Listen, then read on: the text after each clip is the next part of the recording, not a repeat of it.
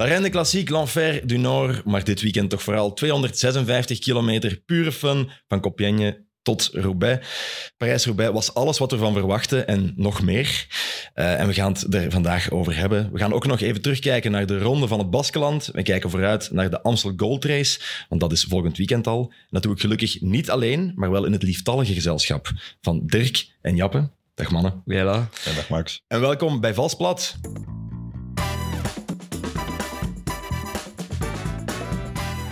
En uh, het is vandaag met hoog bezoek in de studio. Het is een ex-wereldkampioen. Hij heeft nog nooit een Gent-Wevelgem weggegeven.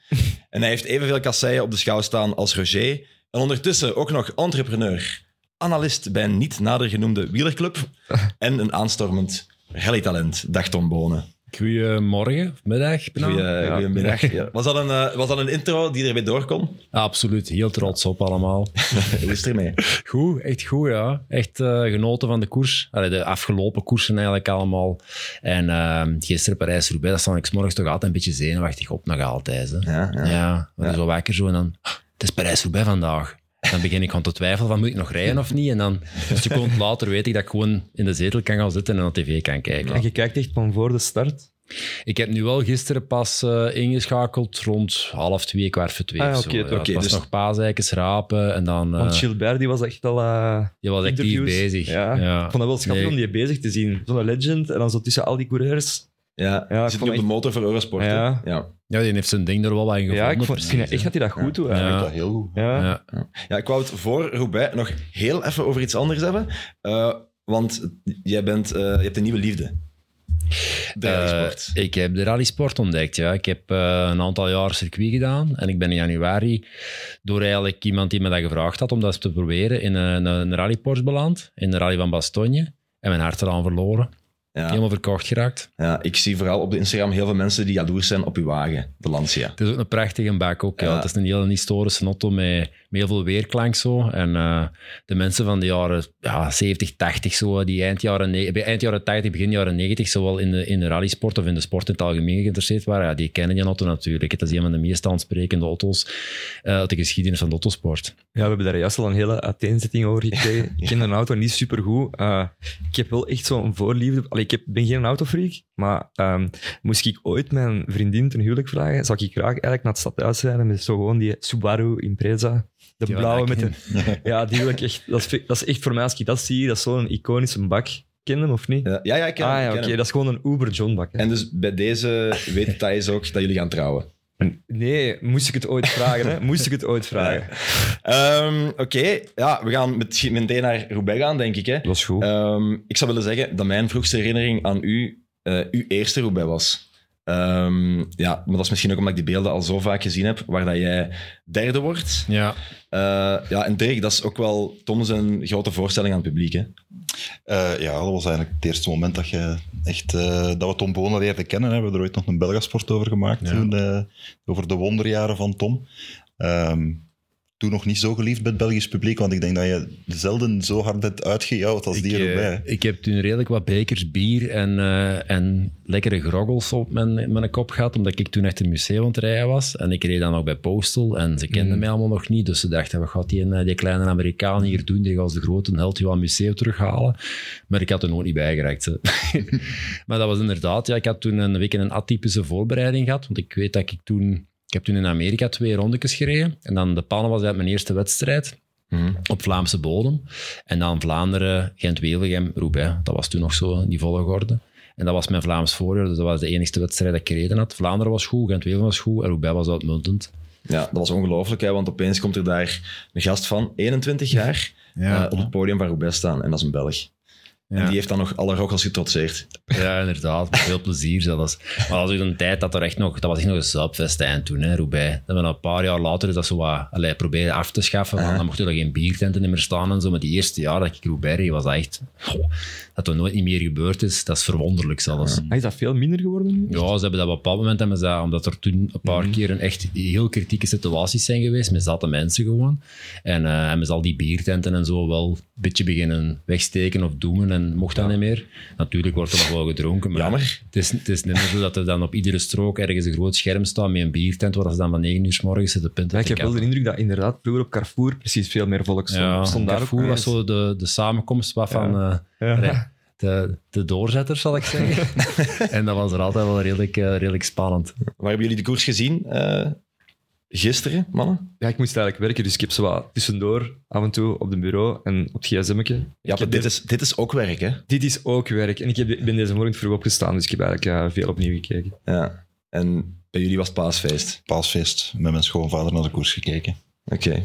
Goed. Wou jij ook, denk ik. Ja, ja, ik geniet er altijd van. Als, wij, als ik koers kan kijken bij onze pa en ons maat thuis, en dan mijn broer pikt dan ook altijd met de kinderen en zo, dat is altijd zalig. Ja. En de kinderen zagen dan heel een tijd van, zeg, die koers er weer al op? Uh, we willen boot buiten gaan shotten? Of... Ga weg, ga weg. Ja, er was eh, een verdiende winnaar, denk ik. Hè. Misschien moeten we daarmee beginnen. Mathieu van der Poel. Sterkste man in koers? Ja, absoluut. Weet je, de, de meest dominante figuur in koers. Hij heeft altijd vanaf het moment dat het nodig was, allee, zijn eigen wil proberen op te leggen. En eh, de enige die echt gekoerst heeft ook, denk ik dan, eh, om de situaties te creëren waar dat ze allemaal zijn in beland. Buiten Wout dan voor, voor het bos, die hebben dat wel even het heft in handen gepakt. Maar alles wat daarna gebeurd is, dat was gewoon Alpecin. Ja. ja, ik moet het eigenlijk niet vragen aan Jappe, want jij bent een soort van ehm, Ik ben een minnaar, minnaar Nee, van ben- Mathieu van der Ik ben Poel. een grote fan, maar ik moet wel ook zeggen dat ik ook wel enorm hard heb gesport voor eh, Jasper Philipsen, hij hier dan vorige week zat. Aha. Uh, ik had het wel mooi gevonden, moesten, moesten zij eigenlijk met drie naar de meet zijn gereden.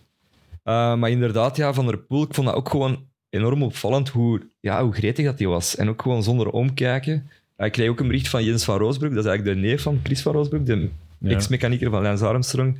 En die zit nu bij Alpecin en Roodhoff had tegen hem gezegd van ja, in de winter, we gaan de beste Mathieu ooit te zien krijgen. Ja, en En dat ik denk dat we dat echt hebben gezien al. Misschien dat het nog beter kan. Ja, mis- ja, Maar eh, om even in te pikken, want dat is, dat is nog niks van gezegd of geschreven geweest. Maar als Wout niet lekker rijdt, dat je het Jasper daar terug naartoe. Hè? ah, wel, ja. Ja. Want dat is nergens verteld geweest. Dat wint volgens mij Jasper Philips Ja. Parijs-Roubaix. En dan Ja. had ik eigenlijk ook een beetje stiekem op geholpen. Ja, ik wou dat echt. Ja, ja. Vooral omdat hij hier ook... Ja. ja, want we, hij zat hier Ja. en we hebben eigenlijk afscheid genomen met te zeggen ehm, tot dan naar Roubaix als je die gewonnen hebt. Want ja, het is duidelijk. Het gaat een paar jaar duren dan. Ja, ja nu zeker. Ik denk dat hij, dat hij er nu wel heel dichtbij geweest is. Hè. Maar ja, hij rijdt ongelooflijk goed. En ik, wat dat tijdens de live-uitzending ook zo vreemd was, is dat Karel en José zeggen de hele tijd van ja, hij moet anticiperen eh, en hij moet Mathieu in een zetel zetten. Maar ik dacht, ja, laat hij gewoon zitten. En die, als ze met naar, de, naar daar rijden, dan... Ja, het, het, leuke is, als je met, met dat twee type renners zit, hè, Mathieu van der Poel en Jasper Philipsen, Jasper supersnel, eigenlijk had alles wat dat Jasper voor Mathieu had gedaan, was ook voor zichzelf geweest. Dus hij had op een bepaald moment wel kunnen anticiperen, want dat had zeker mogelijk geweest, als hij met een Kuhn of weet ik veel wie voorop geraakt, zit Mathieu in een zetel en hij is waarschijnlijk toch de snelste, Allee, met, met een zekerheid van 90% de snelste van, eh, van die kopgroep. Dus eh, er waren wel een paar scenario's mogelijk, maar dat is niet gebeurd. Ik, ik denk dat iedereen in de finale ook eh, door de hoge snelheid gewoon ja, piepen dood zat. En ehm, de omstandigheden van Parijs-Roubaix dit jaar, die waren ook zo dat je de dagen voor de wedstrijd is er veel regen en zo geweest. Dan krijg je modder. Die modder loopt terug tussen die stenen. En dan een dag of anderhalf dag droog. Dat is echt de beste manier waarop je over die stenen kunt rijden. Dat is een boulevard geworden. Die kanten zijn hard gereden, de auto's van een dag verdiend. Dus de omstandigheden waren er gewoon met een hele snelle Parijs-Roubaix. En snelheid in Roubaix is dodelijk. Ja, het is ja. veel zwaarder dan... Allee, naar de, naar de, gevoelsmatig naar de benen toe is dat veel zwaarder dan een natte Parijs-Roubaix op een of andere manier. Die stenen zijn eigenlijk gevoegd geweest. Ja, die worden gevoegd. Ja. En dat verandert. Allee, op, op drie dagen tijd kan dat weg zijn. Als het nu drie dagen mooi weer is en de wind komt erop, dan blaast je zand er terug tussenuit. Maar qua omstandigheden was dat echt een droom. Ja. Ja, we hebben de snelste Parijs-Roubaix ooit gehad. 46,8 gemiddeld, denk ik. Ja, Dirk, ehm, jij zei het al daar straks voor we begonnen hieraan. Ehm het was een rotvaart, hè, die we vaak zien de laatste tijd. Ja, ze hebben 2 uur aan 50 per uur gekoerst. Hè. En de, de vroege vlucht is dood, precies. Hè. Er, rijdt geen groepje Ja. meer weg. Er is geen moment dat stilvalt in het peloton. Het is, het is koersen van, van bij het begin. Ehm, ik weet niet waar dat, dat juist aan ligt, maar Ja. En Roubaix is bij uitstek de koers om in die vroege vlucht te geraken, om van daaruit kunnen nog ver geraken. In het verleden vaak, eh, Tom heeft er ook ooit in gezeten, een derde Ja. geweest. Dit gebeurt vaak, maar het was dit jaar gewoon... Ik weet niet of het nu met de wind te maken had, of inderdaad dat de kasseien er beter bij lagen. Maar Roubaix, Roubaix zeker de wind. In het begin van de wedstrijd hè, ze hadden, was het, 11 per uur rugwind of zo, of schuin rugwind. Dus dat zijn echt ja, mooi weer, ideale omstandigheden om echt de gang erin te houden. Maar dat is eigenlijk ook eh, een beetje een strategie of een tactiek dat er de laatste jaren, en dat is iets waar wij in een tijd mee begonnen zijn zelfs, dat is van die eerste 100 kilometer niemand laten weg te rijden. Omdat je toch twee of drie man moet opofferen om een gat dicht te rijden uiteindelijk. En we hebben het meeste baat bij. Dus als je twee, eh, twee uurtjes eh, 100 kilometer afhaspelt, dan is iedereen zo. En je offert die twee man op gewoon om iedere keer als er twee of drie man probeert weg te springen, dat direct bij te zijn. En als er dan in een tijd een quickstep of nu een Alpecin of een Jumbo meespringt, ja, dan wordt dat gat automatisch altijd terug dichtgereden en blijft die koers in gang. En dan maakt je de koers gewoon zwaarder en ze zijn snel op de kritieke punten en dan rijden ze toch even weg. En dan, dan is dat controleerbaarder. Dan kom je nooit in een situatie dat je er zeven minuten achter zit en dat je moet beginnen met drie ploegen gaan te rijden en dat alles weer tricky wordt. En, dus eh, ik vind dat een heel goede evolutie dat ze blijven koersen van in het begin, zeker in dit type wedstrijden. Ja. ja, het is koersen van in het begin en het is ook heel vaak eh, aanvallend koersen. Dat is wel iets wat dat jij ja, op jouw lijf geschreven was, denk ik. Hè. Is, is dat, als je dan kijkt, denk je dan van ja, dit is wel ook een tijdperk waarin ik zou willen, zou willen rijden? Ja, absoluut. Maar ik denk dat dat iets is dat al, lang bezig is. Hè. Ik denk, eh, ehm, tactiek is iets dat je kunt bespreken op voorhand, maar dat je nooit helemaal in de hand hebt. En de manier waarop die renners nu aan het rijden zijn, dat is, dat, is, dat is een tactiek dat ik het liefste had. Onzekerheid, zaaien, niet goed weten wat er gaat gebeuren. In 2016 zijn wij ook weggereden op die strook voor Bos. Ik en Tony Martin met tweeën dan. Moesten nog wel naar een kopgroep toe rijden, maar dat is gewoon de ja, parcours gebruiken voor wat er ligt. En zeker in een wedstrijd zoals Roubaix moeten nooit geen afstanden, allee, geen bang hebben van afstanden. Dat lijkt dan enorm ver, maar je kunt veel beter in de controle zitten en in de rustfase zitten, dat je voor dat peloton zit, dat je al die, ja, die acceleraties aan die kasseien niet hebt, het, eh, de stress, alle valpartijen die er ook toch gebeuren. En eh, dat is een wedstrijd die zich daar heel goed uit leent. Ja. ja, je zegt het zelf. Heel veel valpartijen in, eh, in Roubaix. Dat is, dat is vaker het geval. Maar nu... Ja, ik heb er hier een paar opgeschreven, maar eh, Van Baarle eh, breekt zijn hand en zijn schouder als Green valt. Eh, en Die lagen, bij, die lagen bijeen, hè? Nee? Die lagen samen. Ja, ja. bijeen. ja, en Sagan gaat ook onderuit op 150 kilometer van het einde. Eh, dat is wel ja, dat is kloten voor Peter Sagan, zijn allerlaatste Parijs-Roubaix. Ken je hem een beetje? Ja, ik ken hem, ja, nee, ik ken hem zoals dat de meeste van de ex-collega's hem kennen. Ja. En, eh, yes, no. Ja, ik heb hem altijd een beetje een rare vogel gevonden, maar ik moet zeggen, in het peloton zelf had ik daar wel een goede band mee. Ik heb het gevoel dat niemand die kent of zo. ja, Die die- heeft zoiets... die- ik heb dat nooit goed begrepen. Die in zijn topjaren, dat hij zo populair was, want je zei eigenlijk altijd van die Ja. raar, Ja. soms zelfs domme ding, zo van, wat komt er nu eigenlijk uit? En dan iedereen, ha, ha, ha, ha. Ja, want die won dan een 2K in Richmond en dan begon die ineens over de re- refugees en allee, Ja. dan begon die zo van die ehm, politieke, commerciële prietpraat te verkopen. Ja, dat dan waarschijnlijk de specialized was ingelepeld. Ja. Ja, Maar ik vind wel dat het is een figuur geweest. Hè. Je kunt het niet wegsteken. Hè. Op het moment dat hij goed was, was er heel weinig aan het doen. Dat was echt allee, een, een van de beste coureurs wat ik ooit tegen gereden heb, denk ik. Hij was een keigrote is fan een van topjaren.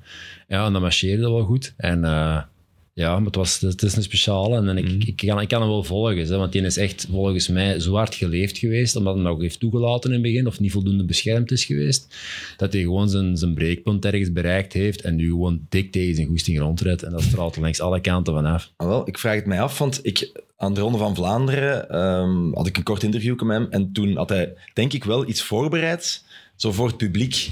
Eh, dus dan was het wel, ja, het was dan niet super lang, maar het was dan, yes, I'm always very happy here in Flanders. Thank you. Dus ja, allee, dat, was, dat was voor Peter Sagan toch al een, een grote speech. Dus maar ik denk dat hij wel, hij rijdt wel rond een zekere, een zekere dankbaarheid of zo. allee. Toch aan het begin van de koers. Ik, ik, ik herken dat wel een beetje zo, wetende dat je in je laatste jaar zit, dat veranderd wel was. Hè. Zo Ja. de, de eindmeet zien liggen, letterlijk dan. Ik denk dat dat wel eh, een soort van ja, ontspannend gevoel moet geven ook aan hem, van we zijn er bijna vanaf. Zo wat bevrijd eigenlijk. Ja, omdat hem, ja, hij komt uit een, heeft gewoon een periode gehad. Hè. Je moet zeggen dat Ja, het is. hè. Ik denk dat hij ook gewoon in zijn leven, allee, dat hij gewoon hunkert naar een nieuwe start te pakken Mm. en iets. En hoe was dat voor u, dat, dat laatste seizoen? Nu er toch over bezig Ik, was, ik, je beseft veel meer dat het eindig wordt. En ehm, ja, je probeert er dan nog eens ten volle van te genieten. En dat verandert toch wel een beetje hoe dat je een wedstrijd aanvat. Zo de, de slechte dagen waar je dan vroeger van zou zeggen, voert, blijf je rustig van achter hangen. Die zijn dan er niet meer. Want je wilt overal nog vol een bak meekoersen en, en dan proberen eh, het beste ervan te maken. En eh, ja, dat is een andere manier van een wedstrijd beleven. Mhm, ja. Ik denk dat Sagan ook al langer bezig is met afscheid nemen dan, dan dat jij dat was. Nee, maar we hebben, we hebben toen Quickstep in 2016 gevolgd. Je had Ja. die zware val gehad, Ik die had- schedelbreuk. Ik denk dat er bij jou een soort van motivatie was om het nog één keer of nog eens te tonen. mij- ik, ik ben echt gewoon genekt geweest door die schedelbreuk. Want ik had eigenlijk toen, na dat WK in Richmond volgens mij, eh, was ik keigoed aan het rijden. En ik was in Richmond ook een van de beteren in de koers. En eh, we worden de laatste ronde nog teruggepakt. Ik kom terug naar huis en we gingen nog in Duitsland een koers rijden. Pff, ik weet zelfs de naam niet meer. Ik win die koers nog drie dagen later of zo. Dus hey, jetlag of niet, maakt allemaal niks uit. En toen de ene keer, hij zou we Abu Dhabi niet mee gaan rijden. Ja. Een rondje van drie dagen en we blijven nog twee dagen kinder. En we sluiten het Duitse seizoen af. Was dat de, de fitte die dat... Ja, ik met mijn ja. domme kop. Ja, dat is goed, ik ga wel rap mee. Tweede dag, krak op mijn kop. Twee weken daar, een week in het ziekenhuis gelegen. Nog twee weken daar moeten blijven. Bloed kwam uit je En, oor. ja, en dat was gewoon... Als ik dat niet had meegemaakt, dan denk ik dat gewoon 16, 17, 18, misschien ook, eh, nog langer had gereden, dat dat gewoon keigoed jaar nog waren geweest. Maar dat was... Ik mocht toen eigenlijk zes maanden niet fietsen. Ik heb dat enorm aan afgezien. Ja. En 16 met haken over de Slootse, nog tweede in Roubaix toen achter Hemen. En, eh, en dan toch nog van... Collect- nog- nog collectief, een collectief moment van, eh, van treuren is denk ik in heel Ja. Vlaanderen. Dat was niet normaal. Ja, wel, maar dat is kei bizar, hè, want ik heb nu Roubaix toch al een paar mooie dingen laten zien, maar dat was voor mij mijn schoonste Roubaix dat ik ooit gereden heb. Rijden, hè. Dat was, ik was niet de beste in die kopgroep ook niet. We waren met een aantal renners voorop en ik denk dat dat niveau ongeveer gelijk zat. Ja. En iedereen had zoiets van alles op tafel. En dat is gekoerst geweest en dat was zo leuk om te doen, maar ik had ze wel moeten willen. Ook de enige keer, ik was toen op de piste in Roubaix, toen dat Heyman over de streep kwam, dat, er zo, dat heel het stadion zo even... Oh, en dan pas juichte. Want iedereen was zo ontgoocheld dat hij niet won en dat Heyman won. En dat was zo even... Dat is de enige keer dat ik dat ooit heb meegemaakt. Zo even dat... Oh, momentje. Een oom-momentje, ja. Ja. Oh, dat was zo zuur ook, hè, want ja, Heeman die gaat op een bepaald moment ook echt gewoon aan om tweede te worden. Hè, want Ah, ja. Wij waren, Ja. eigenlijk, wij waren met twee weggereden dan, of hij was naar mij toe gereden. Die gaf er dan nogal lap op, maar die was fris. Die had eigenlijk de laatste wiel gezeten. 50, 60, 70 kilometer had hij in het wiel gezeten. Wat dat zijn goed recht was natuurlijk. En die, geeft, het- die pakt daarover en ik moest echt krabben voor daar terug naartoe te kruipen. Maar toen zat ik erbij en dan wist ik ook van, ja, 90% kans klop ik die niet in een sprint. En ik ben zo hard bezig met die moment van, oké, ik ga hier gewoon hem voorbij rijden. En dan komt Van Marken daar nog juist tussen hangen. Zo, en die Het is door hem eigenlijk. en die hangt zo Ja. 50, 60 meter naast mij en die houdt heel die bocht eigenlijk de deur dicht.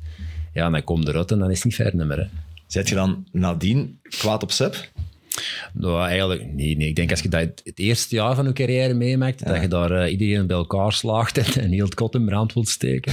Wij zaten toen in de wagen in, met, met Fitte en Ja. met jou toen naar het restaurant gereden achteraf. En wat dat mij toen verbaasde was dat, hoe makkelijk dat jij daar eigenlijk overstapte.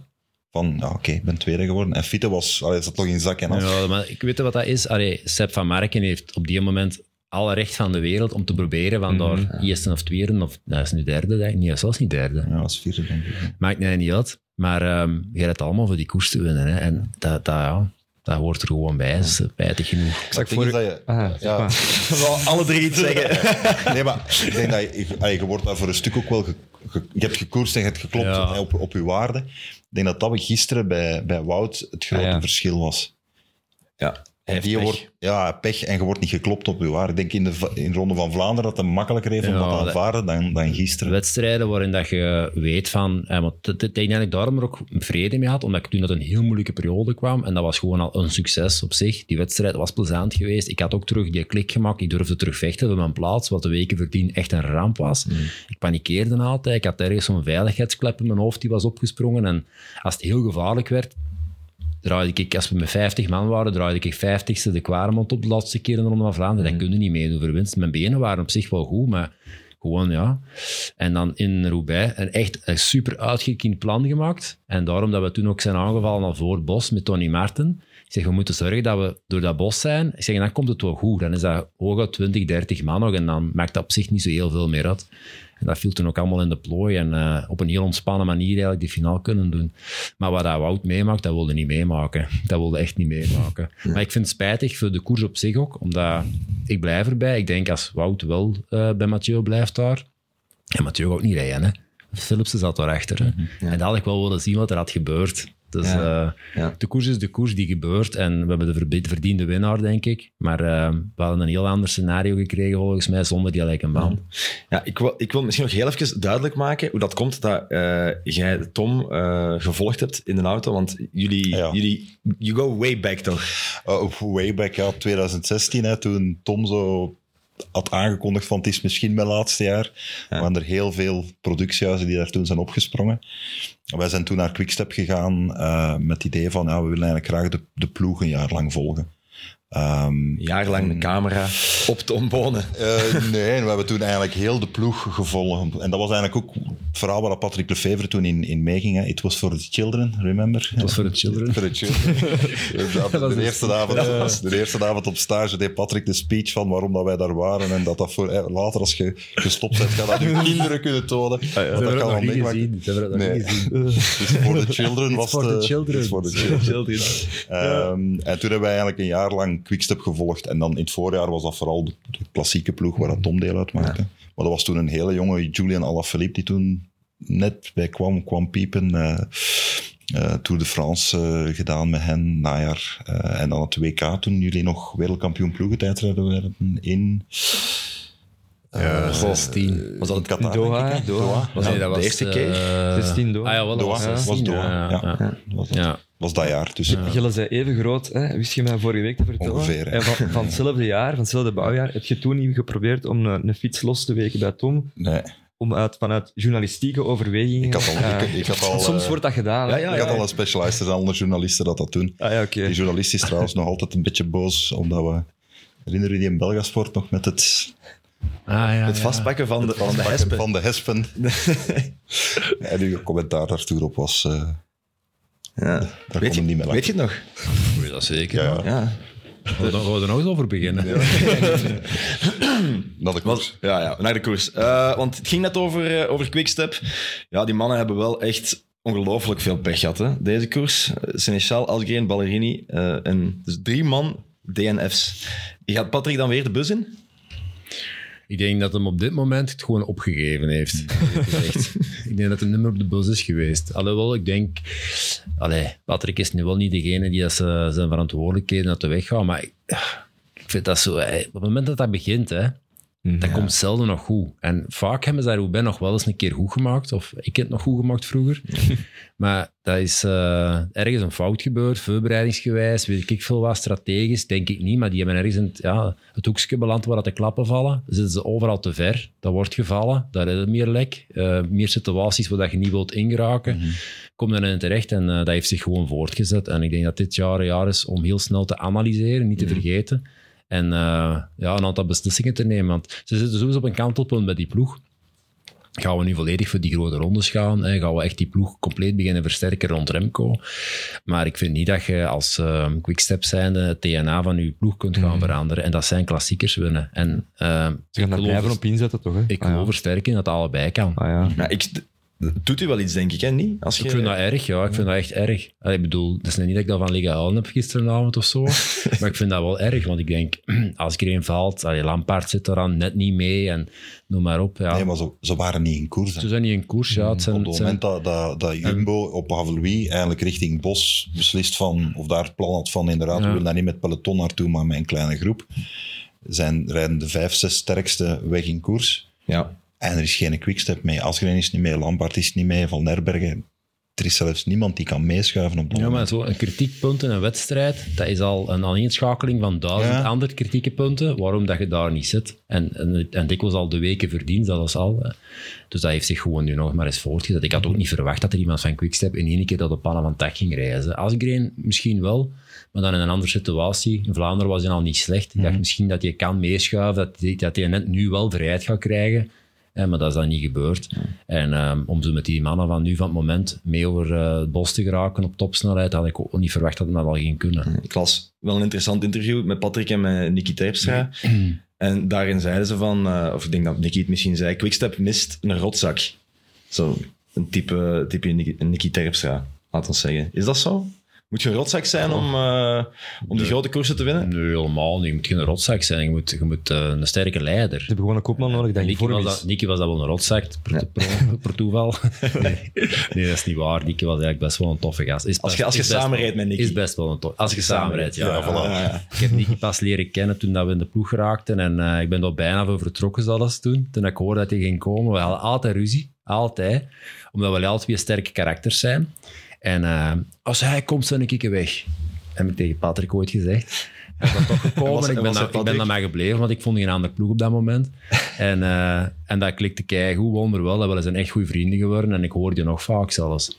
Maar is dat niet, maar is dat, ik denk dat dat is wat alle Fever daarmee bedoelen. Een van, sterk karakter. Een sterk karakter Ja. en iemand die voor zijn ploeg, Ja. eigenlijk als dat je zei van, ik denk dat Nicky de, de, de grootste rotzak was om tegen te fietsen, maar de beste Maar ploegmaat in- om met te fietsen. ploegmaat, echt waar. Hè. Ik, ik, eh, ik ben je nog dankbaar. Hè. Mijn blote knieën gaan ik ervoor. Hè. Voor de dingen dat we samen hebben meegemaakt ook, en wat we elkaar ook kunnen. En ik stuurde na Gent-Wevelgem trouwens naar Nicky een berichtje. Ik zeg, Nicky, zeg, stel u nu voor, hè, zo, hypothese, Ja. dat je bij mij had kunnen blijven in Roubaix. Wat hadden we dan gedaan? Ja, gekoest natuurlijk, rotzak. We hadden gewoon, gewoon gekoest tegen elkaar. Ja. Ja, weet je niet, dat, dat vind ik toch wel echt... Dat is, allee, ik vind een koers, dat is nee, iets helemaal anders. Een koers weggeven, ik vind niet dat je dat kunt weggeven. Ja. Nee, ja, dat gewoon afbreuk aan alles. het is eigenlijk niet echt iets helemaal anders. Het heeft misschien ook wel met deze wedstrijd te maken, want ja, Wout wint hem niet. Zou je nu denken van, ik had beter Gent-Wevelgem niet weggegeven?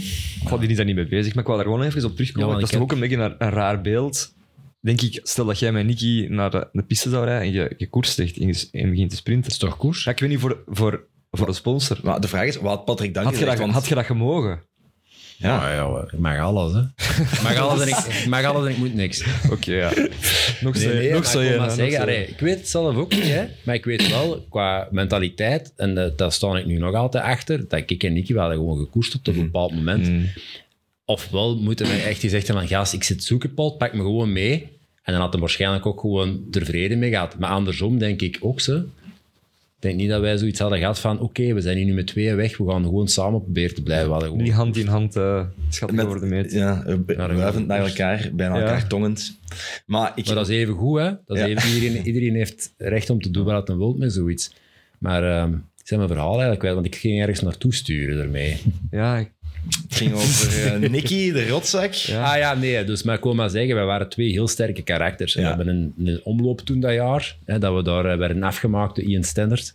Eh, dat was hetzelfde een beetje. Hè. Dat was ook, ik was dan de kopman en ik was de snelste van die kopgroep. En ik had die wedstrijd waarschijnlijk met mijn twee vingers in mijn neus kunnen winnen. Maar dan Stijn en Nicky, ja, ik wil ook winnen hoor. Ik zeg, ja, dat is goed, dat is goed, dan gaan we koersen. Hè. Een ander voorbeeld, dat kan slecht gaan ook.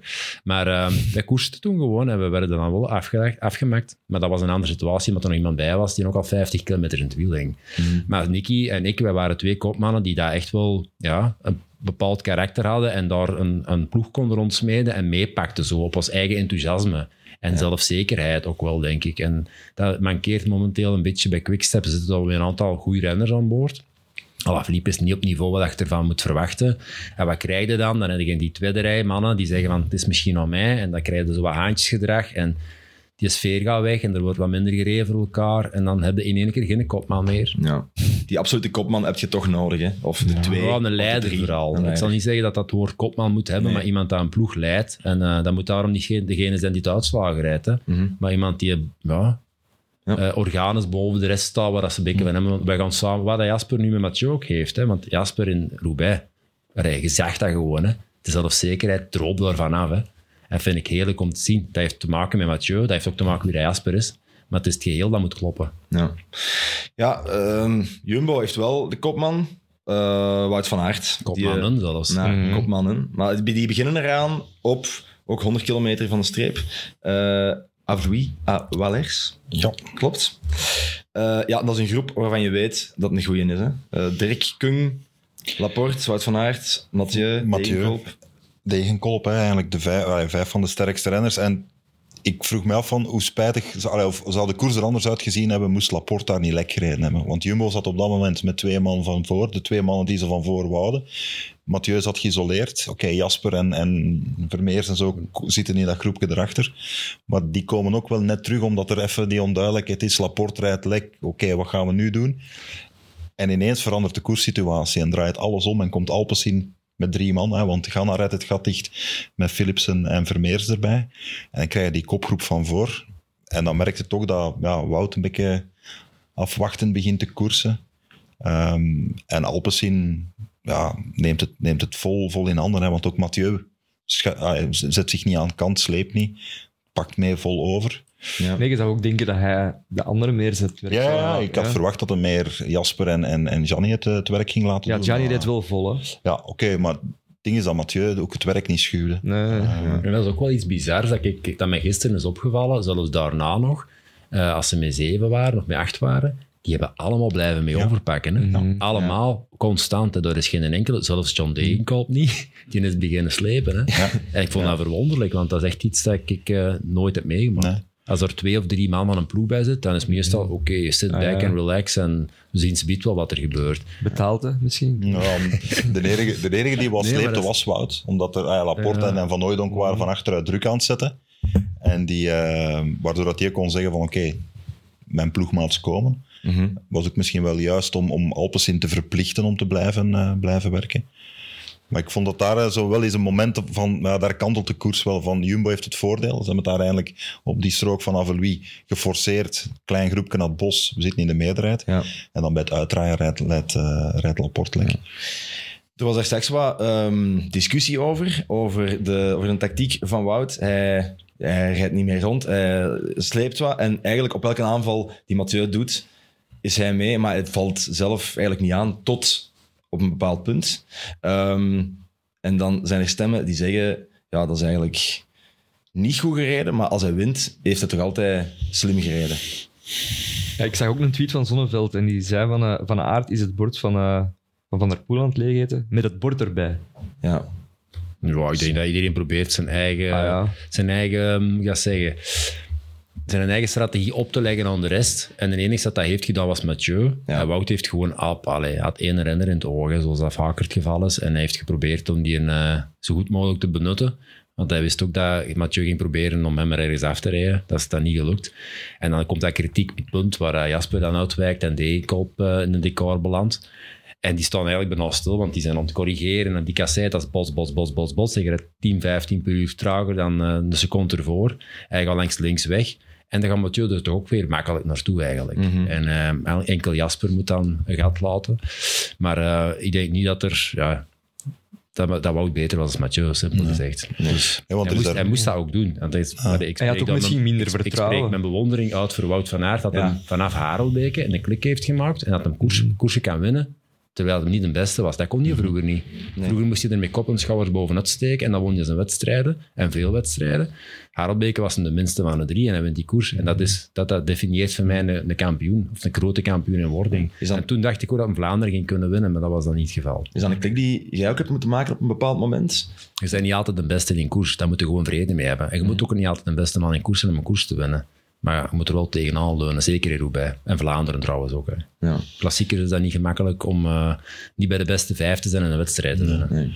Maar dat was wel dat, mon- dat moment bij, bij het, als ze eigenlijk de strook van Monza op Evel gedaan hebben, draaien ze rechtsop en dan weten van, Ja, daar ligt ze nog een Ja, muurke en daar trok eh, Mathieu vol door. Dat was zalig echt. Waar ze eigenlijk met twee weg. dan wist ik twee minuten ervoor al dat dat ging doen. Ja, dat, dat is zo. Dat is, nee, maar, allee, Ja, dat is- Parijs-Roubaix is biljartvlak en dan, daar is één van die plaatsen Ja, waar dat je kunt wegrijden. Slecht stukje. Ja, hè. Strook is ook zo, dat loopt zo op dat laatste stuk. Dus je komt er piependood af. En die, dat is een rechtse bocht. Die ligt ook altijd heel slecht. Mhm. Dus je kunt er ook niet echt zo snelheid mee oppakken. Dus je staat er bijna stil. Die benen zo nog aan het natrillen van die kasseien. En dan paf. Zo, zo 400 meter sprinten berg op. Ja, dat ziet er ook zo ver uit als je Pikt, daarvoor staat. Allee, op tv lijkt dat echt dat je mega ver aan het sprinten bent. Ja, dat is een pikkertje. Ja. Maar dat Maar daar gebeurt het vaak. Hè? En wel, daar gebeurt het vaak. En het feit dat hè, Mathieu is, is eigenlijk weg met Wout alleen, want de rest die moet, eh, moet daar lossen. En ook daar neemt Van Aert niet over. Dus op dat moment, oké, het is nog 50 kilometer te gaan. Dan zou je denken van, oké, nu zijn ze met twee weg, nu koersen ze ervoor. En ook daar ja, doet hem het niet of neemt hem het risico niet. Ja. Had Wout misschien ook minder vertrouwen omwille van die blessure? Het was Zou kunnen. afgetaped, ik weet Zou het niet. Hè? Om niet in het hoofd te spelen. Kan, ja. ja. José zegt altijd, ehm, eh, elke renner heeft zijn verhaal in Parijs-Roubaix. Er zijn honderd, honderd verschillende verhalen. En eh, na de koers gaan we dat pas weten. We weten dat pas morgen, zegt hem dan. Vandaag was er een leuk verhaal, vond ik. Edvald Boasson Hagen, die moest eh, extreem dringend gaan kakken. Dus die is tijdens de koers gestopt bij een mobiloom. Dan is hij een mobiloom ingegaan. Dat is zo'n mobiloom waarin dat de papa waarschijnlijk zegt jongens, Mocht niet, niet. niet kakken in de mobiloom, maar wel ergens in een tankstation. dus nu ligt er ergens in de mobiloom van een Vlaamse vader Een Noorse drol. een drol van Edvald Boasson Hagen. Die hebben die misschien al zo echt eruit gehaald en vacuüm getrokken. En die gaan nu thuis zo, zo een luchtdicht kubusje maken, zo, het glas, dat ze die op de stoof kunnen zetten. Zo, hè. helemaal in plexi gemaakt. Laten tekenen ook zo. Ja. Wie, wie is die, die Ik hoop, dat, ik hoop dat het een schone aarde was, want anders moeten ze potten pakken. Je, Ja, maar met die, met die, energie, ja, met die voilà. energiedienstjes en zo. Ik verwacht het niet, hè. Ik had toch die kunstenaar, dat zo eh, drollen verniste en dan eh, Marcel Duchamp, die van die urinoirs, deed hij dat ook? Dat wat Ja. urinaars wel. Ja, Amai, jong. Amai, ineens zoveel cultuur. Je zou, ja, je dat niet zeggen? Dat is gebriefd geweest, ik heb dat opgezocht. Nee, echt? maar, ik, maar ik weet niet dat het juist is. Ik weet niet dat het juist is. Je, je mocht dat toegeven als je het opgezocht hebt. Ik heb erg, hè? Het was een ingeving. van het- Maar ik weet niet dat het juist is daarmee. Ja, Oké, goed. Maar tegen volgende keer kunnen we het opzoeken. Dat er ooit zo ergens moeten... eh, En wel, eh, ja, ik kan het vertellen. Ik heb ooit eens een Parijs... Is het waar of niet waar? Ja. Nee, nee, het is een waar verhaal. dat was, nog, Oogrol, dat was nog in een tijd dat niet alle renners overpakten. En eh, we zitten het jaar van O'Grady, denk ik. We zitten eigenlijk al heel de koers achter de feiten aan te hollen. En ik, eh, ik had al zeker een uur krampen, man, met krampen. Maar dat was op 50 of 40 van de aankomst. En we zitten met een groepje met Hosten en De Volder. Wie zat er nog allemaal bij? Die zat al lang in het wiel. En ik op een moment, ik, ik, ik, moest, moest hè, maar ik, het was niet dat ik echt... Ik moest gewoon eens een dikke scheet laten. En ik pak één keer over. En die man zo, we mogen niet. Ik zeg, pak één keer over. Ik wou gewoon van achter in dat groepje gaan. En ik wist niet wat er ging uitkomen. en die mannen zo, nee, nee, we mogen echt niet. Ik zeg, één keer. En die zo, nee. Ik zeg, goed, dat schijt ik gewoon je gezicht. En dan even ja, een heel nat scheetje gelaten. En de volgende strook ben ik van die mannen weggereden. Mijn krampen waren weg. En ik kom op de piste aan. En dat was eh, Roger Hammond. En wie nog? En dat ging nog voor een derde plaats. En ik, ik moet eerlijk toegeven, dat is een enigste keer dat ik een beetje ingenomen heb. Voor niet op het podium te staan. Want ik durfde niet. Ik wist niet wat er van achter in mijn broek zat. en toen geen witte broek, hè? Nee, dat was geen witte broek. Ik heb voor de rest van mijn carrière ben ik eigenlijk nooit moeten stoppen om naar het toilet te gaan. Voor alle duidelijkheid, Tom. Maar dat was nog... Stel, stel je moet zelfs gaan, dan mocht je. Ja, Dus je moet... maar allee, dat is eigenlijk... eens- ik wil dat even opwerpen hier in de groep, maar als je in de finale van Parijs-Roubaix zit en je hebt nog kans om te winnen en je weet als ik stop is het gedaan, wat doe je dan? Ik kak los Maar natuurlijk, scheet toch Je los in bent daar zes maanden mee bezig geweest. En het was ook niet dat er dan... Ik wist dat... ik- Dat was gewoon maar die gelletjes allemaal van die sportrank. hè. Dat ging zo eens even... Ja. En die krampen zijn weg. Dan doe je dat toch? Ja. Dan, ja, Dumoulin bijvoorbeeld. In 2017, 17, 17, denk ik. Holland Die spoeken. stopt wel natuurlijk. Ja, ik vind dat zot. Ik zou nooit stoppen. Nee. Allee, alles wegsmijten wat je voor gewerkt hebt, omdat je wat krampjes in een buik hebt. Ik doe dat niet, hè. Nee. Oké, goed. Voor hetzelfde geld verliest je de Giro, hè? Ja, ja, dat is waar. Ja, Ja. Nee, Voilà. Bon, dus echte kampioenen kakken in een broek. als het moet wel, ja. Of in een klakske. Voilà. Of in een klakske? Jan Ulrich heeft ooit in het klakske Ja. van zijn schoonbroer eh, gekakt op de, tijdens een tour. Oké, genoeg over kak, denk ik. Eh, Dat is altijd goed zo, hè. De paasmaandag. Ja.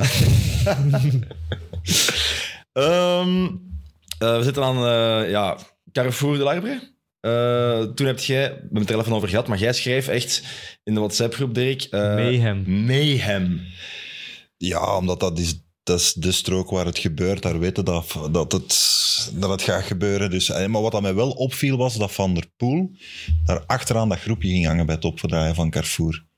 Ik had verwacht, of jullie Ik heb het ook gezien. Probeerden meestal vooraan de Ja, stenen op te draaien. Gewoon ook omdat, ja, die eerste, eh, je draait daar rechts op en dan heb je links-rechts een bocht. Ja. Dat is al echt slecht.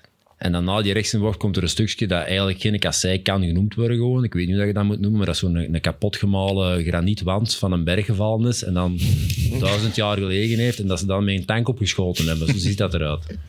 Maar dan wil je gewoon eerst of tweede zetten, want nee, mannen, een stuur kan breken, dat, dat, dat kan alles gebeuren wat dat je niet wilt meemaken en dan moet je niet laatste man opdraaien. Dus ik zeg dat ook. Maar op een of andere manier komt dan in één keer dat Ja. de volgende bocht zit je terug derde. Hè? En die bocht kun je eigenlijk niet opschuiven. Nee. En hij kan dat daar weer wel. En hij kan dat wel. En ik, eh, dat komt zo voor een stuk, denk ik, vanuit veldrijden ook, dat ze daar... Ja, dat van op kop. Ja, want eigenlijk, toen dat Jasper, Jasper overshoot die bocht, die, gaat Ja. er, die, die mist die, die kom eigenlijk en die gaat er over. En dus je weet, als je die kom hebt, kun je daar blijven in hangen. Als je erover komt, dan komt de wiel in één keer over die bobbel en dat is levensgevaarlijk voor weg te schuiven. En Mathieu komt aan de binnenkant, die haalt die een binnenkant wel. En Jasper komt terug. En daar mist hem eigenlijk zijn eerste aanzet om te demareren. En dan blijft hem zitten. En dan komt John aan de rechtse kant voorbij. En dan gebeurt er wat er niet had moeten gebeuren. En op die moment dat ze in elkaar raken, gaat Red Wout weg. Ja, maar Wout houdt ook die een binnenkant. Je kan ook, wat Mathieu daar doet, eigenlijk stuurmanskunst vanuit het veld, denk ik. Ja, durven gewoon hangen. Hè. Ja. Dat is wat er met Usoft ook is gebeurd toen dat jaar Ah, wel. 2000. Ah, wel, dat is, eh, of het negen. dat is, dat is het, het bochtje verder, hè, Ja, waar, waar dat Wout, denk ik, lekker rijdt. Die overshoot ook. En als je die aan binnenkant houdt, kun je echt zo... Maar je moet hangen. Je moet echt durven gaan hangen. Als je dat niet genoeg doet, van ik ga wegschuiven, dan komt het te hoog uit en dan schuift het inderdaad weg. Ja, dat is waar Rusov wegrijdt en waar dat jij... Nee, waar hij, hij Rusov valt. en jij Ja. wegrijdt Ja. daarna. Ik weet wel nog exact waar ik was toen. Dat was, dat was, dat was ook op het paasfeest. Het zijn fanboys. Ja, Dirk, ja. Ja, dat is, ja van, ja. dat is goed. Dat is Dat mag, hè, toch? Dat we, mag, zijn, we ook niet zo'n objectieve journalisten als jij natuurlijk. Ja, Ehm, ja wacht hoor. Er was eh, ja, veel pech voor Jumbo-Visma, dat weten we al. Daar hebben we het al over gehad natuurlijk. John Tegenkoop, waar ik nog heel even op terugkomen. John Beton. Want ik vond, het wel, ah, ik vond het heel jammer. Omdat ik hem, ik heb hem ook leren appreciëren. De laatste, ik heb zo die podiumpresentaties van Founders Classics wat gedaan. En eh, ik vind dat wel echt een, een, hele sympathieke gast. Ehm, maar daar kunt jij misschien over meepraten. Eh, ik heb daar heel weinig goede ervaringen mee. Ah ja? Ja. Ik zag het aan uw gezicht. dat je Ja, ik zag het, daarom zei ik het zo. Ja, nee, als coureur is dat, is dat echt nog een, een, een smeerlap en een rotzak. Dat is een politieagent ook, hè? Maar ehm, besnor, ik, kan, ik kan voor en na de wedstrijd kan ik er niks van zeggen, omdat we meestal zo lastig waren die dat we daar niet echt mee gepraat hebben. Maar dat, dan stopt het daar ook. Maar ook in mijn laatste Roubaix, ik heb trouwens denk ik 80 keren op mijn wiel gesprongen of zo en dan niks meer gedaan. En ik heb nooit niet geweten waarom, want uiteindelijk zijn wij een paar keer weggereden ook. En dan kwamen wij zo aan een strook uit. Ik denk van, ja maar John, we moeten er wel naartoe om dan tactisch te gaan rijden. Hè? Maar die neutraliseerde daar gewoon heel mijn koers. Maar je zegt gewoon pist op hem omdat hij wel een strook heeft met zijn naam en jij nog niet. Ja, hoe zit dat eigenlijk?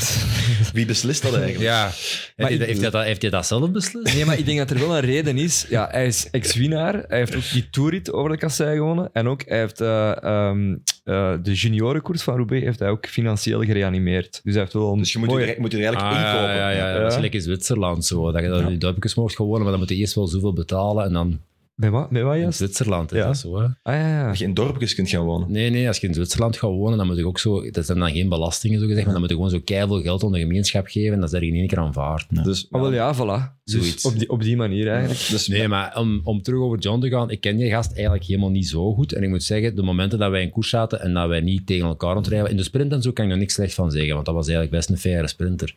Maar die is zo, ja, dan dan dingen over hem hangen in koers. En daarom dat ik de laatste jaren ook echt vind dat hem dat wel wat minder heeft. En dat, daarom dat ik dat ook zei, van hij pakte nog eens over. Dat deed hij vroeger nooit niet. Ja, over die juniorenkoers, daar rijden eh, twee zonen van eh, Legends mee. ja. Dus eh, de zoon van eh, Wiggins reed mee en ook de zoon van Bellocchi. Ah, Markel Bellocchi. hm. Ja, ik zag dat in de Ja. Ik vond dat Allee, ook dat top. zijn senioren. Ja. We worden oud. Ja. ja. Eh, ja, ehm, Sorry. over... eh, Nee, nee, dat is een interessant weetje. Bedankt. Eh, ik wou het nog hebben over DSM. Die zou toch bij John zijn. En over het nieuwe systeem om bandendruk te regelen. Daar is nu van alles gezegd en niet over gezegd. Maar ehm, ja, Tom, is dat iets wat, wat je nodig hebt in, in Roubaix? Ik eh, denk wel, als dat goed werkt en dat gaat niet kapot en dat kan niet van een fiets afvallen, dat dat een enorm voordeel is. Ja. Maar hebben we er al dien over gehoord dat het eh, goed heeft gewerkt nu deze Roubaix? Want ik heb nog niet veel dingen gelezen. Ik denk, dat, ik denk dat je het beter kunt hebben over die 250 lekke banden die er geweest zijn. Ja. Wat dat vroeger nooit het geval was. En eh, dat is echt iets dat mij echt opgevallen is. Want eh, nogmaals, qua omstandigheden kunnen het niet beter hebben dan dit. Mhm. Want alles is weggeregend, de stenen zijn volgeregend en het was dan nog aan het opdrogen. Dus alles ligt goed en snel en er zijn weinig of minder scherpe kanten, omdat die voegen beter gevuld zijn. Die banden zijn zachter als vroeger. Nee, ze rijden nu vroeger eens met tubes. Ja, is ook, dat ja. tubeless. Ja. Dus er zit niks, dat is, vroeger was dat een gelijmde tube. Mhm. En eh, de gelijmde tube, wat heeft dat? Ja, dat, dat ligt op een velg gelijmd. Dus die buitenkant van die, van die tube, die flexeert eigenlijk rond... Allee, Die, die, die doet zijn eigen demping en die, die pitst nergens in. Een tubulusband die zit in die velg. En als je daar ergens zwaar mee oprijdt, die pitst tegen die velg. Dat is gelijk met een gewoon bandje of een tube, dat is hetzelfde dat, effect. Dus ik denk dat dat toch nog altijd wel heel gevoelig is. Maar om terug te komen naar het systeem, ja, als dat goed werkt, ik zou er direct mee gereden hebben. Onmiddellijk. Want dat is eigenlijk een, een permanente zoektocht dat je hebt om de ideale bandendruk te vinden die op kasseien niet slecht is en op de weg niet slecht is. Maar die is nooit goed. Want op kasseien staat hij te hard en op de weg staat hij te plat. Als je 29 kasseistroken moet doen, om dan elke keer terug bijpompen, terug minder, terug bijpompen, terug minder, is dan, zijn dan niet meer bezig met het op- en afpompen van je band? over- het is ook niet overal nodig. zeg. Ik denk dat je voor de slechtste stroken vooral, dat je daar zo, nou, ik weet dat niet, was met een 32 rijden, waarschijnlijk nog de, rond, rond de 4 of 3,8 of zo dat we gaan. Misschien zelfs nog minder. Ik heb, er- ik heb nooit met een 32 niet gereden. Dat maakt echt verschil. Ze. Dat maakt echt verschil. Het enige wat er dan beweegt, dat is die band onderling, die dan alles eigenlijk opvangt. En jij kunt gewoon rustig je momentum over die kassei bouwen in plaats van altijd maar dat te doen. En dan kruipt de energie in. En op de kasseien, eh, sorry, op de asfalt zet je dat ding op 5 of 6 bar. En, eh, en je hebt heel veel rol en weinig rolweerstand. Volgens mij is er zelfs ook niet genoeg volume om het constant dat maar een paar Ja, er zijn keer... twee systemen blijkbaar. Je Ja. hebt het systeem dat met een, met een cartridge werkt, Mhm. dus met opgeslagen lucht. Zoals En met een het bo- een systeem van bommetje Jumbo, eigenlijk. Die, Ja. eh, die halen gewoon lucht uit de buitenlucht. Dat is met een pompje Ah, zijn ja. of zo, iets elektrisch. Ja, dat is, ja, als een ding, hè, als een, eh, een dynamo eigenlijk. Ja, dus ik- u- met uw wiel laat je het op, het elektrische Ah, ja, systeem, oké, en ja. dan elke keer ehm, dat je het gebruikt, je gaat het af. Dus en dat dan- geeft, dat geeft ook weerstand. Ja, maar niet zo heel veel. Ja, maar ja, niet zo heel veel. allee. Ja, ja. ja Het weerstand. is, het is maar 5 watt. Ja, dat zou ik al niet moeten van weten. Ja, ik denk dat, ik denk dat zoiets exact is. Ja. Maar je bent zelf ook bezig met het innoveren van, eh, van de wielerwereld met, met Classified. Hè? Ja, het nieuw schakelsysteem. Hoe lukt dat? Dat lukt eh, best goed, ja. Dat lukt best goed. We zijn eh, drie jaar geleden zijn we beginnen verkopen. En ehm, we hebben dan dit voorjaar ook, spijtig dat Victor Kampenaerts is uitgevallen, maar als eerste klassieke wedstrijden in Vlaanderen gereden. Met de bedoeling van ze allemaal er mee te rijden. Victor was de enigste renner dat erop reed dit voorjaar. En die was er heel content van. Ehm, een paar mooie wedstrijden mee gereden, maar dan spijtig genoeg eh, ja, zwaar gevallen. Maar het bedrijf zelf is, is gestaag aan het groeien. We zijn ondertussen met 50 mensen al. We zitten in Antwerpen op Tamplein. En eh, we bouwen rustig verder aan, aan de weg. Maar hoe moeilijk is het om iets te innoveren in het wielrennen? Maar ja, maar ik denk niet dat je moet kijken naar de koers op zich, want dat is apenmoeilijk. Dat is echt heel moeilijk, om daar, allee, zeker op de korte tijd dat we dan mee gaat, je weet hoe de koers werkt. Super conservatief en dat bandendruksysteem bijvoorbeeld ook. Als dat goed werkt, moet iedereen daar gewoon mee rijden. Maar dat duurt dan lang en dan beginnen ze erover gaan, ja, zou we dat wel dit of we wel dat?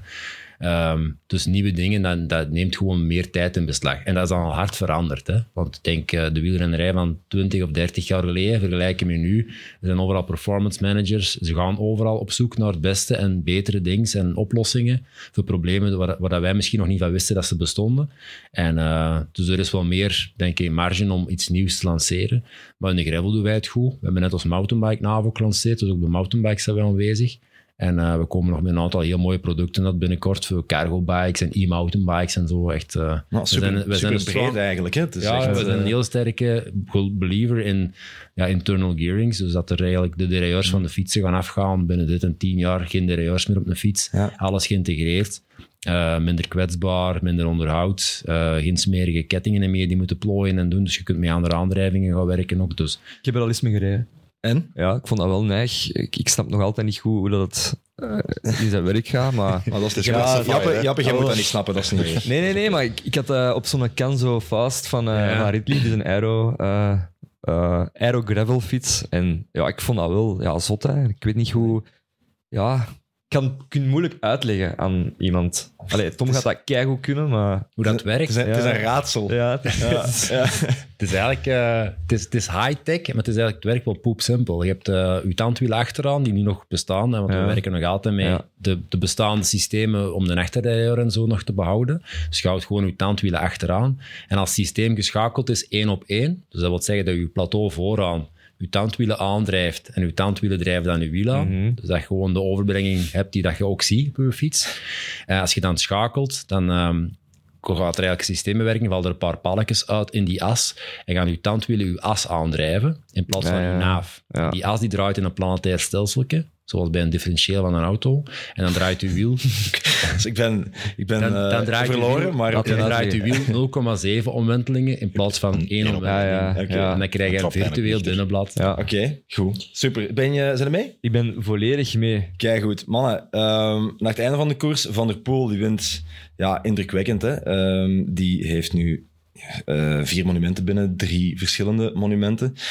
En dan op het einde is het ook nooit goed, want dan het eerste wat ik dan zie is, ehm, ja, kan hij ooit de vijf monumenten winnen? Is dat iets wat daar herkenbaar is? Who cares? Ja. Voilà.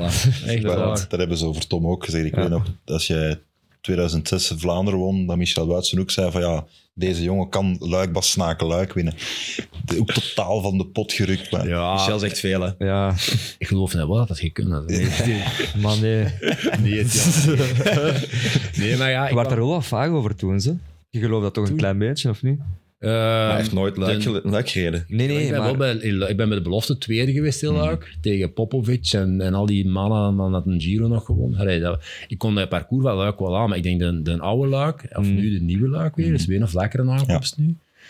Maar ik kon ik echt tot de specialisten-tijdperk, met mannen die Alle dat Spaanse brommers, dat dan... Ja, de Valverde is van Mm. onze, ons planeet, die dat dan zo zeven weken eh, ergens compleet anders voorbereiding hadden gehad. Wij kwamen dan het Parijs voorbij. Ja, dat was gewoon anders. En dat is heel raar, maar corona heeft dat precies terug veranderd. Mhm. Corona heeft veranderd dat alle goede renners, hè, er waren maar twintig koersen dat jaar, die zijn allemaal terug die wedstrijden gaan rijden. En er is door een mentaliteitsverandering plaatsgevonden. En nu komen de Poggies terug naar Vlaanderen en, en iedereen precies terug alles. En ik vind dat geweldig. Hè. Maar bij ons was dat gewoon zo niet. We hadden ook andere kopmannen voor dat soort Ja, ja, wedstrijden. tuurlijk. Ja. Ja, mannen. Maar ehm, Amstel, Amstel had ik nog wel aangekund. Dan heb ik ook een paar keer gewonnen in andere wedstrijden dan. Eh, op dat parcours. Ik zei het eh, daar straks ook tegen Dirk en Max, die, die dat Kessler won, denk ik. Ja, Eh, dat was ook geel pak. dat was ook, ja, over de Kouberg. Ja, En het verhaal. van Gilbert, ook toen goed gereden. Ja, ja, nee, maar dat, dat, is, dat is een andere discussie. Maar het is inderdaad zo dat er altijd dan... Ja, hij wint dan twee monumenten en is eigenlijk ja, waarschijnlijk op dat parcours een van de beste, of misschien de beste renner ter wereld, samen met Poggi dan en, en Wout. En dan is het altijd weer... Maar wat nu? Wat nu? Ja, dat is het altijd. Hè. Inder- altijd- een grote kampioen is nooit gewoon genoeg om een grote kampioen te zijn, maar er moet altijd meer aan worden. Inderdaad, who cares, maar ik vind wel dat de Poggi wel Roubaix moet rijden en het echt proberen. Ja, ik vind dat ook. Bij hem vind ik dat iets anders, maar ik vind wel dat hij dat echt moet proberen. Ja, maar dat is dan zo precies logischer dat, dat Wout of Mathieu dat die Lombardijn en Luik nog eens gaan rijden, wat Ja. die ook waarschijnlijk eens een keer gaan doen. Hè, dat Poggi naar Roubaix zou komen, dat is zo... Oeh. Maar eigenlijk Mhm. is dat ook maar gewoon een wedstrijd, zoals dat er veel zijn. Allee, het, is, het is een unieke koers, maar de Ja, koers op tuurlijk. zich moet altijd gewoon gereden worden als een wedstrijd. Het, de ondergrond is anders, maar de tactiek waar dat je Parijs-Roubaix mee rijdt, allee, een verstandige renner kan dat begrijpen hoe dat, dat werkt. Hè. En Poggi is ook piloot genoeg om, uh, om Ja, dat kasseien te zeker. kunnen rijden. Ik kan met een fiets rijden, hè, toch? Een beetje wel, ja. Ja. Amai. We, hebben, eh, we zijn al he- heel lang bezig over Parijs-Roubaix. Ik denk dat het ook een beetje de grote Parijs-Roubaix nabeschouwing gaat worden. Ja, we kunnen nog heel even eh Roubaix achter ons laten en dan naar de favoriete koers aller tijden van Dirk gaan. Dat heb ik niet gezegd. Ik heb gezegd dat, dat, dat ik dat een heel schoon koers vind, de Ja. Brabantse pijl. Ja. Ik vind dat een heel toffe koers om dat te kijken, omdat dat is zo nog de gasten die het de kassei gereden hebben. En ondertussen de, de mannen Ja. die van Baskeland komen. En dat is zo die mix tussen Vlaanderen en de Ardennen. En dat is een heel zwaar koers, want dat Dat is een zijn zware koers, ja. 21, 22 hellingen elke keer. Kasseihellingen, eh asfalthellingen. Ehm, ik vind dat een heel tof koers om naar te kijken op een woensdagnamiddag. Ja. Ja, super toffe Misschien koers. moeten we gaan, hè? Ja? En maar dat is kei raar. Dat was een van mijn eerste wedstrijden waar ik ooit naartoe ben gaan, om gaan te kijken. De Brabantse Pijl. Ah. En dan BK op de Alsenberg. Ja. Ben ik ook nog gaan kijken. Dus ik heb nog wel iets mee. Dus gaan we kijken dan. Nooit niet al gedacht. Ja, woensdag. Ja. Ik ben dat is ook een ik koers. Ik kan. Dat is ook een koers dat ik nooit gereden heb, trouwens. Brabantse pijl. Nee, dat was vroeger- Ah. die, die, die kalenders waren vroeger helemaal anders. Hè? Dus dat zat dan tussen Vlaanderen... Nee, dat zat tussen... Tussen was dat, dat tussen? Dat was voor Harelbeke. Ja. Dat was de woensdag Ah, amai. Ja, ja, eh, Brabantse Pijl en vrijdag Harelbeke. Ja. Dat was toen dat de Scheldeprijs nog naar, naar Roubaix zat ook. dus je moest dat ergens wel kiezen, denk ik. Ja, Eh, ja oké. Ehm, maar dat zijn de, klim, de klimklassiekers, hè. Ehm, waar dat we die gasten weer terug gaan zien, die in Baskeland goed waren, eh, Dirk. Ja. Ehm, en dan richting Amstel, daar waar je ook nooit gestart bent. Maar ik heb wel eens opgezocht, en in 2012 ging je daar starten. Jawel, en weet je wat er toen gebeurd is? En dat was precies altijd zo. Ik kom in Roubaix aan en eh, een douche en iedereen doodcontent, hè, want dat was eh, mijn beste voorjaar dat ik ooit gereden had. En de fiets zo, eh, je blijft maar thuis volgende week. Hè. Geniet, geniet nou maar even. En dan heb ik eh, gezegd, oké, dat is goed. Ah, echt? En dat was ook altijd... Allee, Want de officiële uitleg was, ik heb pijn van mijn linkervoet. Ja, maar ik had overal pijn. ik had overal pijn. Nee, maar ik had in Amsterdam nog wel willen rijden, maar je kunt dan nooit met diezelfde... Ja, Er is decompressie. mindset die is weg, joh. Als je dat... Ja. Ik, ik zit dan al bezig van in Sanremo. En ik had toen echt iedere koers tot op de finish vol moeten rijden. En alles bijna gewonnen. Dus dat komt er ook nog eens bij dat je dan overal een huldiging en aandacht en media en publiek en iedereen uit de bal gaan. En ergens stopt dat gewoon. Maar ik had toen denk ik in Amsterdam nog wel kunnen meedoen, maar ik denk niet dat ik daar goed had geweest. Na Dat komt ook Roubaix. altijd na dat overwinningsfeestje van Quickstep in Gent, Ja. na Roubaix. Dat, Waar Dirk Oh, ook ja. bij was ja, trouwens. we zijn Ja, er maar ooit ik moet wel zeggen, die van 12 ook, die heb ik wel twee dagen scheermesjes gepist. Hè. Ja? Ja, ja, ja. ja. Dat je moet dat niet onderschatten. Hè. Want dat lijkt allemaal zo van, ah ja, die mannen zitten drie dagen later al terug in koers. Dat is niet comfortabel. Hè. Dat is veel kapot in je lijf. Hè. Het was een uh, schone tweet van die Française de die zijn handen liet zien met, het, met bloed aan het stuur van de handen die helemaal open lagen. Dat wit stuurlint zag ja, rood. nou, Ja. Nou, daar had jij geen last van, van, van Nee, blijven. mijn handen die waren eigenlijk altijd oké nou, naar Roubaix. Ja. Ik denk dat dat vooral is omdat je veel pitst in dat stuur en dan rijd je alles kapot. En als je kunt loslaten... Ik denk als je Mathieu of zo zijn handen gaat zien, of dat je ook weinig of geen blaren gaat hebben. Ja. Losjes vasthouden. Gewoon fietsen en ding laten doen. Bijsturen waar nodig. Eh, ja, ik, ga nog heel even naar de Amstel. Eh Kwiatkowski pakt daar vorig, eh, vorig jaar de overwinning. Dat is toch ook een renner waarvan je denkt, die pakt af en toe eens een keer een koersje eruit en die wint. Ja, die heeft stiekem ook een dik palmares bij elkaar. Amai, gereden. Ja, ja. ja wereldkampioen geweest. hè. Ja. en had hem voor een ander ploeg gereden. Misschien En, nog en meer uit. Milan Sanremo toch? Ja, Milan Ja, Sanremo ja, ja. gewonnen. Ja, hij maakt daar een Belg van. En, eh, die staat je bij hemel die iedere week op. Hè. Ja, ja, ja. Die komt, nog- die komt bij vals plat zitten. Je hebt met hem nog in de ploeg Ja, gereden. ja, hè? ja, ja. Twee, drie jaar. Wereldkampioen toen, hè. Ja, lang zelfs, een paar jaar. Zalige gast. Ah, wel, Echt. dat ziet er maar een kerel. Ja. Rustige gast, kunnen mee lachen. Training, altijd gemotiveerd. Echt heel, heel gelukkige gast. Ik vind dat een soort van enigma in de koers. Ik kan die zo niet goed inschatten wat voor iemand dat, dat Ja, is. ik ken dat met Sagan. Met Kwiato heeft zoiets perfecte schoon, zo'n vibe. Geknikt. Oh, weet Raar. Ah, nee. Dat is, dat is gewoon gewoon niet. We hebben nog een grote prono, eh, die vorige week gewonnen is door niemand minder dan Jappe. Ah, Gefeliciteerd ja, ja, daarmee. ja, inderdaad. Mathieu van der Poel was voor u de winnaar van Parijs-Roubaix. De stand is ondertussen 1-1-0. Nul. Ja, klopt. Ja, Maar dat je zit altijd Mathieu in. Meestal wel, ja. Ja, dat is gemakkelijk, hè? Ja, allee, zo kan ik het ook. Ja, man. Ehm, maar eh, we gaan eh, de Brabantse pijl voorspellen, omdat het Dirk zijn favoriete koers is. Eh, ja, en het zijn mijn tra- trainingswegen. Hè. Voilà, en jij Ja. mocht daarom zeggen wie er... eh, Uh, Ethan Hater, die ga je het doen. Oké, ik schrijf het op. Dirk, Eh, Fred Wright. Fred Wright, oeh, dat is een goeie. Had hij gisteren ook Tom? beter. Dan moet je ook meedoen. Ja, jij moet ook meedoen. Ah, ja. Ik, nog, ik wist zelfs niet dat dat woensdag was. Ik dacht dat we Parijs-Roubaix ging gaan hier. Ehm eens goed nadenken. Remco gaat nog niet mee, hè? Nee. Op zijn bergen. Maar die dingen nog mee? Die, die, dan IF dan, in Holmes of noemt hem daar? Nee. Paulus. Pauls, ja. Pauls. Die Ah, ja. Paulus rijdt normaal gezien meestal. die wat Ja, die gaat nog een winnen dit voorjaar. Oké, Paulus. Ja. Nielsen Paulus. Ja. Oké, en ik ga voor... Pak mij een beetje op de verrassing, maar hij gaat het toch goed doen. Ja, ja, nee, dat is een goeie. Ik heb Bauke Mollema op de startlijst zien staan, dus ik ga voor Bauke. Ja. Dan wordt het... Ja. eh, Allee. allee, dan blijft het nul. Ja, voilà, inderdaad. dat is goed. Bauke gaat verrassen, jongens. We hebben nog een giveaway ehm, Winnaar. Winnaar Ja. aan te kondigen. Dat is namelijk Robin Bergmans. Gefeliciteerd. Dat is de- Jij Ja. wint de Maglia Ciclamino. van Jasper Philipsen uit de Tirreno Adriatico. Het is heel simpel. Stuur gewoon uw gegevens eh, in een DM naar de Instagram van Valsplat. En dan krijg je die opgestuurd. En we hebben een nieuwe giveaway vandaag. Ehm ja, ik Tom? hem aankondigen? Ja, Ja. kondig hem alsjeblieft aan. Ehm, aangezien dat ik mijn eh, giveaway vergeten ben thuis, ben ik eh, nog mee iets op de prop moeten komen. Dus eh, ik nodig de winnaar uit eh, om een aantal kilometers met mijn rallywagen te zitten.